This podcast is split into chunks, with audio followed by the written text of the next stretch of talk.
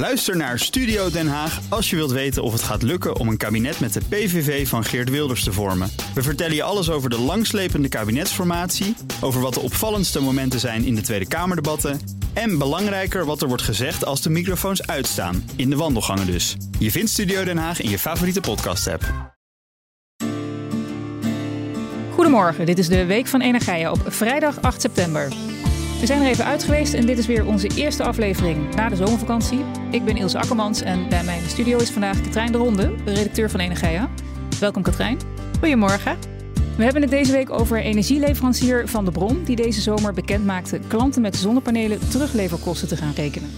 Dat heeft te maken met oplopende kosten door de toename van het aantal zonnepanelen op daken van woningen. Katrijn vertelt zometeen hoe dit precies zit. Maar eerst kijk ik met hoofdredacteur Wouter Hielkema weer naar ander nieuws van deze week. En ook een beetje het nieuws van de zomerweken. Wouter is ook bij ons in de studio. Goedemorgen Wouter. Goedemorgen Ilse. Welke onderwerpen sprongen er voor jou uit in het energienieuws van de afgelopen weken? Nou, in elk geval dat het beleid voor klimaat en energie gewoon doorgaat onder het demissionaire kabinet. Als het aan de Kamercommissie van Economische Zaken en Klimaat ligt tenminste. Tijdens een speciale vergadering werden geen punten controversieel verklaard. Ook dat Hugo de Jonge, demissionair minister van Binnenlandse Zaken en Wonen, de besluitvorming in verenigingen voor eigenaren, VVE's, wil aanpassen om de verduurzaming te versnellen. Dat staat in de versnellingsagenda Verduurzaming VVE's.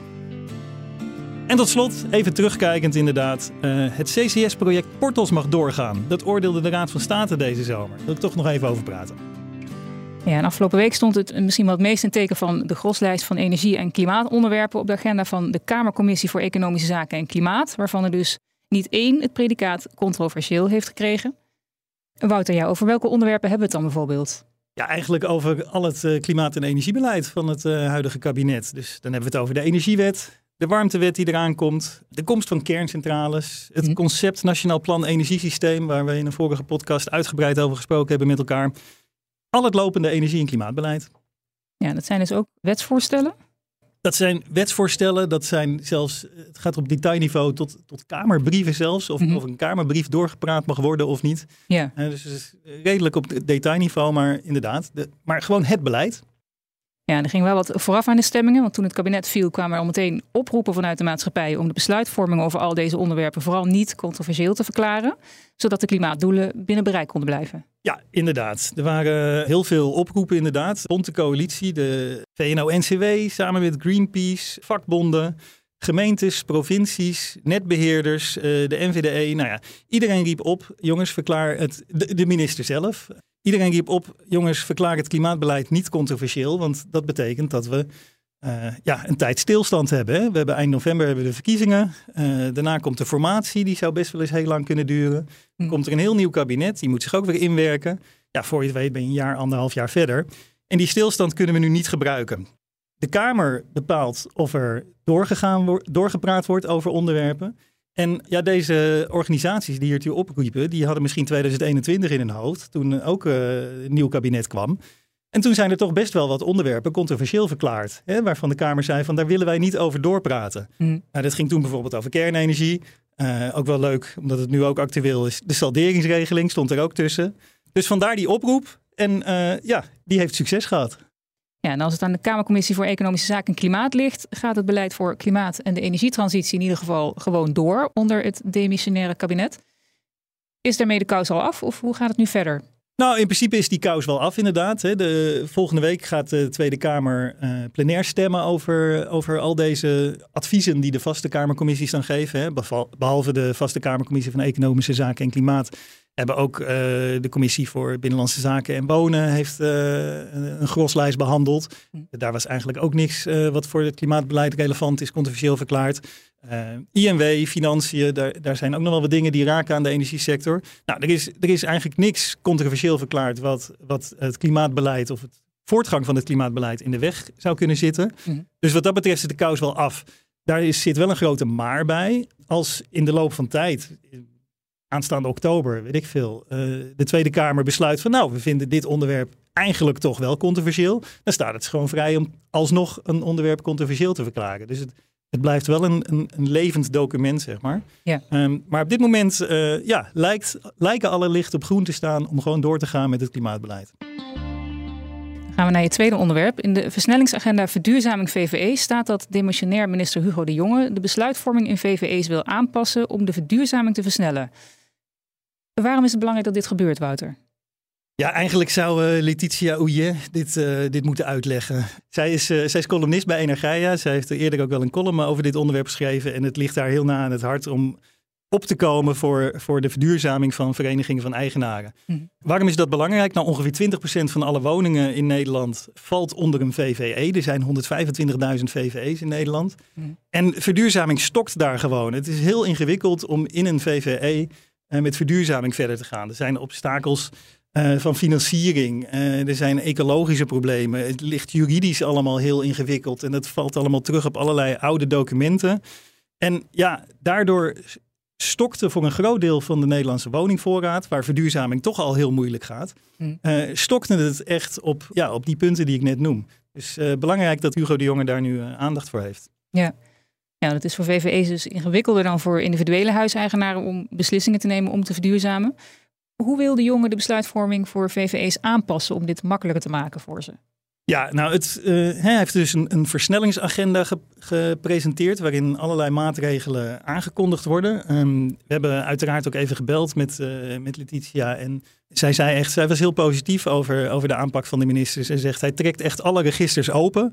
Een van de belangrijkste dingen is dat hij besluitvorming vergemakkelijkt op zich ja, vond ik dat wel bijzonder, gewoon zelf om te realiseren dat de minister dus gaat over hoe de besluitvorming bij VVE's geregeld is. Maar kennelijk is dat zo. Hm. Hij regelt bijvoorbeeld dat er voor besluiten die te maken hebben met verduurzaming, dat daar niet meer twee derde meerderheid of zelfs drie vierde meerderheid voor nodig is, maar dat dat 50% plus één kan zijn. Ja. Ook de opkomstregels, opkomsteisen past hij aan. Hè. Vroeger was het zo als je, als je niet nou, dan moet, ik even, moet je me even te goed houden. Maar volgens mij als je niet kwam, was het een tegenstem, weet je wel. En dat versoepelt hij ook. Uh, de instemmingsregels bij, bij woningcorporaties bijvoorbeeld, die ook onder een VVE kunnen vallen, worden ook versoepeld. Nou, met dat soort dingen probeert hij die, die verduurzaming binnen VVE's te vergemakkelijken.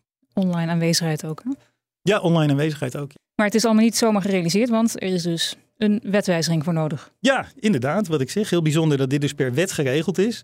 Ja, en daar gaat dus weer tijd overheen. In de brief uh, schetst de jongen dat die nieuwe wet er niet eerder dan 2026 zal zijn. Dus dat ja, uh, duurt, toch nog wel eventjes. Mhm. Ehm, ook is er voor heel veel dingen, hè, ik zei al eerder al dat het, dat het behoorlijk ingewikkelde problematiek kan zijn, is nog onderzoek nodig. Ja, uit het gesprek met Letitia ook, uh, zij zegt het is soms echt haarkloverij. In sommige gevallen gaan de, gaan de VVE's wel over de kozijnen, maar niet over het glas. Of wel over de gebouwverwarming, maar niet over het warme water. Ja, dat soort dingen, hoe je daarmee om kan gaan en hoe je daar dan versnelling in de besluitvorming kan aanbrengen, daar, daar moet echt nog eventjes goed op gestudeerd worden. Dus uh, er is nog wel wat werk aan de winkel, maar een eerste belangrijke stap is gezet.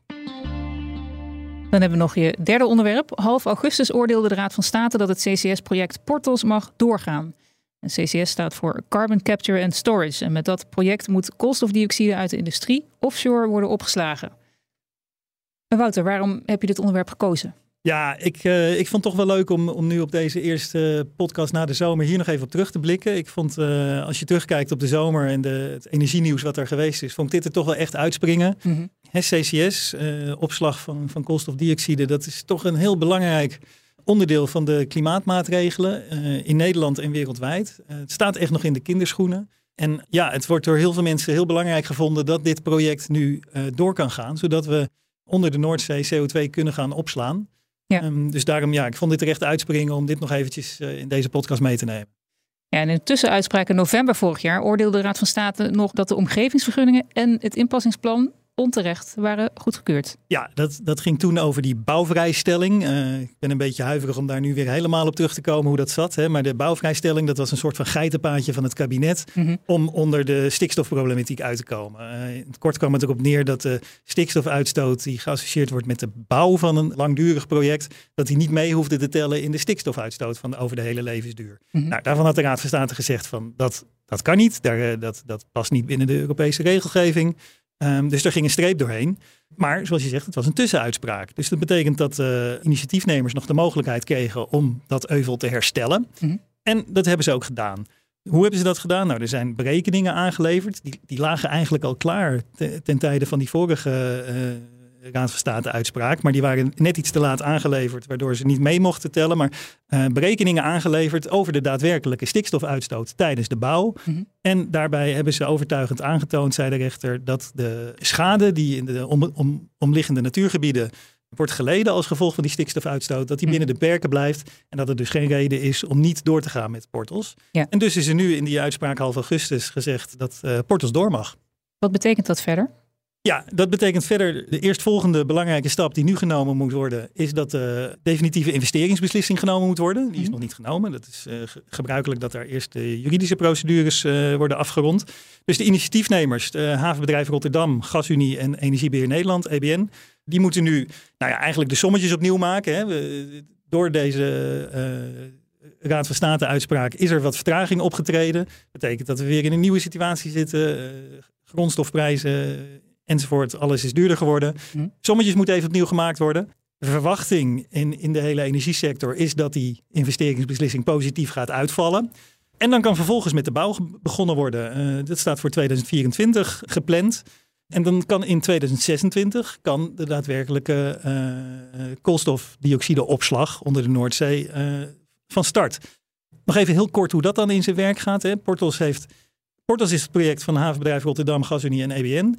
Ze hebben al vier klanten, dat zijn Shell, ExxonMobil, Air Liquide en Air Products, die zelf voor een CO2-afvang gaan zorgen. Daar hebben ze alweer SDE-subsidie voor, voor aangevraagd en toegewezen gekregen.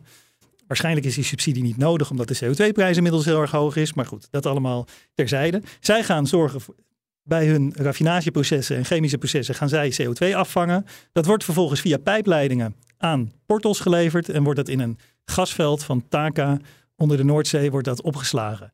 Nou, we hebben het dan over 2,5 megaton per jaar CO2. Nou, dat is best wel fors. Dat is ongeveer 5% van wat de industrie nu in Nederland uitstoot.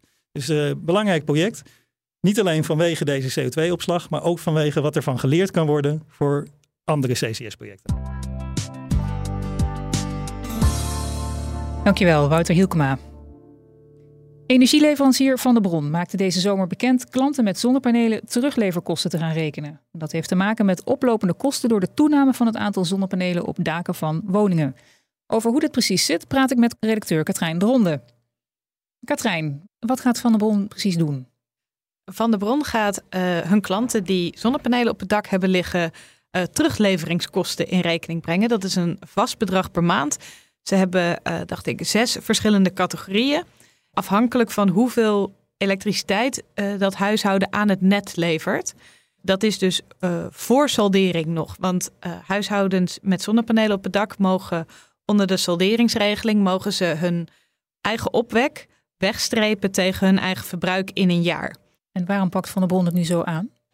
Um, nou, de salderingsregeling die heeft het dus heel erg aantrekkelijk gemaakt om zonnepanelen op je dak te leggen. Mhm.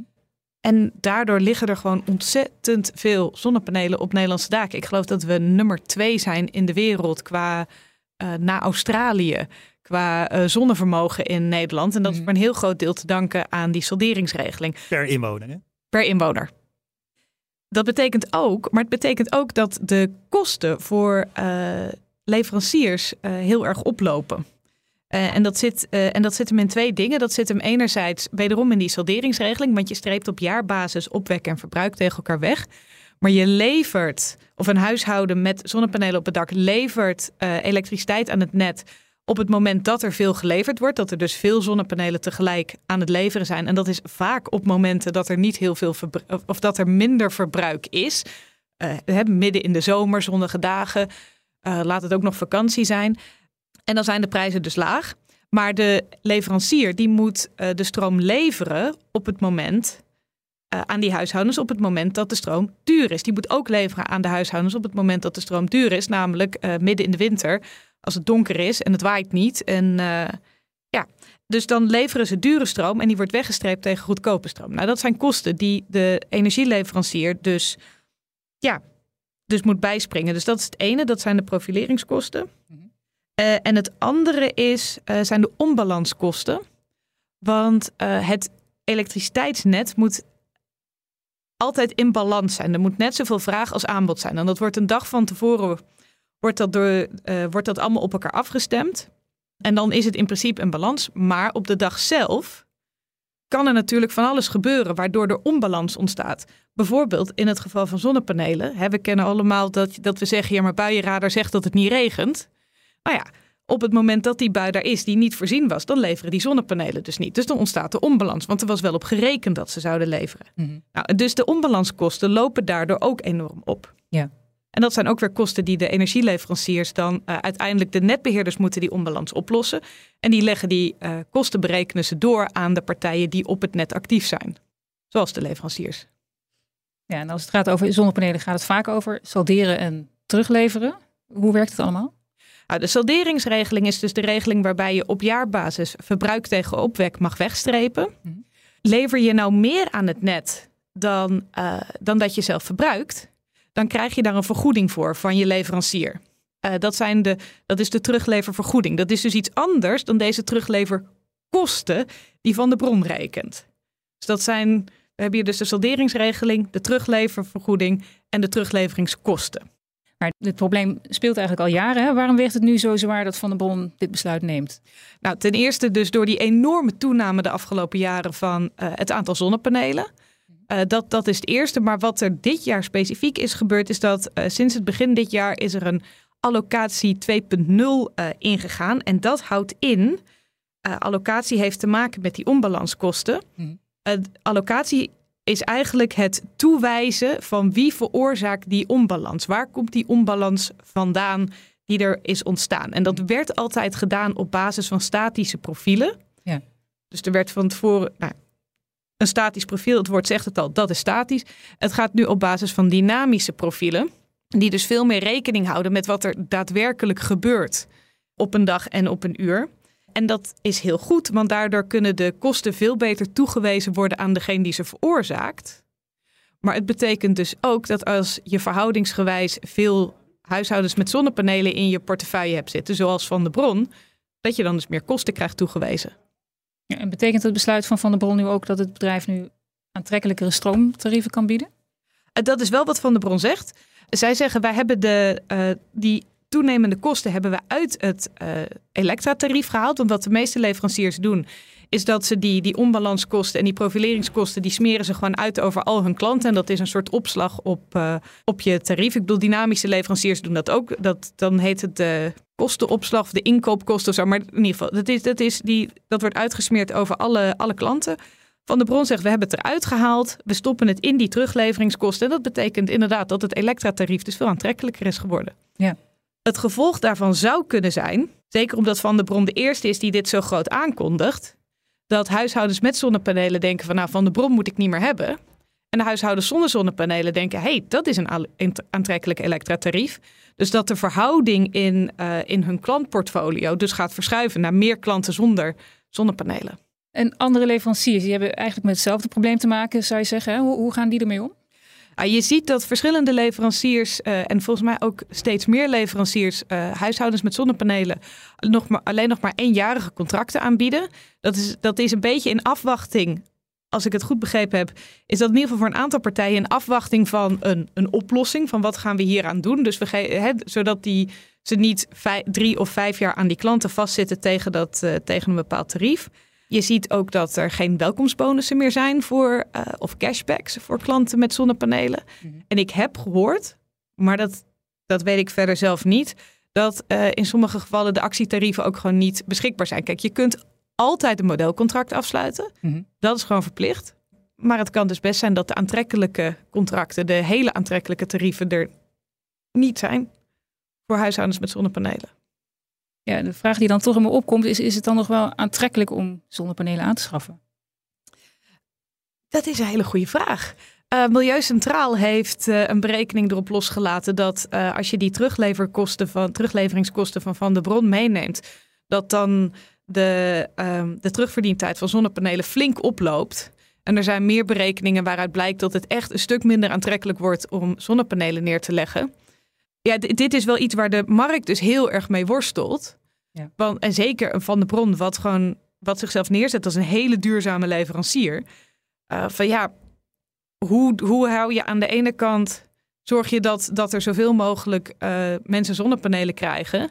Uh, zonder dat aan de andere kant die kosten dus verschrikkelijk de pan uitstijgen. En wat sommige leveranciers ook zeggen, waaronder Van de Bron, is van ja, als jij dus saldeert. Stel, wij stoppen al die kosten in het elektratarief voor iedereen. Maar mensen met zonnepanelen salderen, die betalen dat elektratarief dus niet. Ja. Is, is dat dan eerlijk? En in de markt wordt dus wisselend gereageerd ook op het besluit, hè? Ja. Heb je daar wat voorbeelden van? Nou ja, dit, eh, wat ik net zei, dat, dat dilemma is, is heel duidelijk iets wat Eneco noemt. En ook andere energieleveranciers. Ehm, de consumentenverenigingen die zijn eh, eh, enigszins gepikeerd. Zoals de Consumentenbond en de Vereniging Eigen Huis. Eh, die zeggen er is onduidelijkheid voor consumenten. En, eh, van ja, en, en heel, er is vrij breed ook wel een soort van ongeloof van zo worden zonnepanelen minder aantrekkelijk. Dit kan toch niet de bedoeling zijn? Mhm. Eh, EZK en de ACM, dus het ministerie van Economische Zaken en de Autoriteit Consumentenmarkt, de toezichthouder, die vinden het vervelend dat er dus veel meer onduidelijkheid is op de markt hoe energiecontracten voor consumenten er nou uitzien en wat zonnepanelen betekenen. Dus er is, er is een soort van ongeloof en een soort van, oh god, wat moeten we hiermee? Ja, Van der Bron heeft gewoon een hele grote steen in de vijver gegooid. Ja, Ja. Wat, je- wat je ook wel veel hoort, volgens mij, is dat bedrijven, of in, in ieder geval in de energiesector, heel blij zijn dat nu dit gesprek gevoerd wordt. Ja, dat wel inderdaad. Ik- Inderdaad, er is, er, wat je zegt, het- er is dat dilemma, maar ze zijn wel blij dat het nu echt hoog op de agenda staat van we hebben het er nu tenminste over. En waar ligt de oplossing? Nou ja, waar de oplossing ligt, volgens Van der Bron, eh, is eh, volgens Kim Verdouw Essenbachers, de, de CFO van Van der Bron, die heb ik Mhm. gesproken. Zij zegt, we moeten naar een situatie toe waarin verbruik en opwek veel meer op elkaar worden afgestemd. Mhm. Kijk, de, de, de terugleveringskosten gaan dus over, ook over het, eh, de, de elektra die je teruglevert aan het net. Als jij in jouw huis het zo weet te regelen dat je 70% of 80%, 80% enthousiast, als je 70% eh, van je eh, eigen opwek zelf in huis verbruikt, en dan heb je heel weinig terugleveringen Dus dan blijft het aantrekkelijk. Mhm. Dus dat is ook wel waarvan de bron eigenlijk naartoe wil, waar ze op hopen te duwen, dat dat veel meer gaat gebeuren. En dat is ook wel iets wat je in de sector veel meer hoort. Ook bijvoorbeeld bij netbeheerders. Het zijn heel veel partijen die heel graag zouden willen dat verbruik en opwek veel meer naar elkaar toe gaat in de tijd. En wat is de rol nu van de, van de salderingsregeling daarin? Ja, de salderingsregeling houdt dat afstemmen van verbruik eh, en opwek in de tijd dus heel erg tegen, omdat, omdat het dus op jaarbasis tegen elkaar wegstrepen is. De Tweede Kamer heeft, hem, eh, heeft, heeft ingestemd met de wet op afbouw. Nou ja, het is niet controversieel verklaard. Dus de de Eerste. Kamer mag er dus ook over stemmen, toch? De Eerste Kamer gaat zelf een eh controversieel lijst maken. Is vrij ongebruikelijk dat er in de Eerste Kamer ook onderwerpen controversieel verklaard worden. Eh, zeker als onderwerpen in de Tweede Kamer niet controversieel zijn verklaard, gaat de Eerste Kamer het echt niet ook wel controversieel verklaren. Dus ja, dikke kans dat de Eerste Kamer, of in elk geval, de Eerste Kamer kan er verder mee. Maar ja, eh, met het oog op de verkiezingen is het de vraag wat daar gebeurt. Of daar een meerderheid te vinden is überhaupt. De salderingsregeling was eh, bedoeld eigenlijk als stimuleringsmaatregel om het aanschaf van zonnepanelen te stimuleren. Waarom duurt het afschaffen ervan dan nu zo lang? Ja, omdat het een hele geliefde regeling is. Mensen, het, het is een hele heldere regeling. Hè, van, je streept gewoon opwek en verbruik weg. Het is ontzettend succesvol geweest. Ik bedoel, nummer twee van de wereld na Australië qua, eh, in opwek per persoon. En wat er misschien ook wel een beetje achter zit, is dat eh, er, een, er een heleboel verduurzamings aanbiedingen zijn, verduurzamingspakketten zijn, die zijn ehm, die waarin die salderingsregeling dus is meegenomen. Waarin hè, bijvoorbeeld het bekende nul op de meter verhaal. Voor woningen die dus tot nul op de meter worden verduurzaamd. Dat gaat er wel van uit dat je je opwek en je verbruik kunt salderen. Dus dat je het overgebleven, dat na het verduurzamen van de woning, het overgebleven energieverbruik wel weggestreept kan worden tegen de panelen op het dak. En als dat dus verdwijnt, dan ja, dan wordt het voor, een, voor ook voor een heleboel mensen die warmtepompen en zonnepanelen tegelijk hebben aangeschaft. Of op elkaar hebben afgestemd, wordt het gewoon een heel pijnlijk verhaal.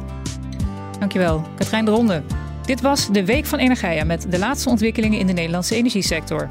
Op energia.nl lees je meer. We zijn benieuwd wat je van deze podcast vindt. Laat het ons weten via podcast.energia.nl. Mijn naam is Ilse Akkermans. Een fijne dag en tot volgende week.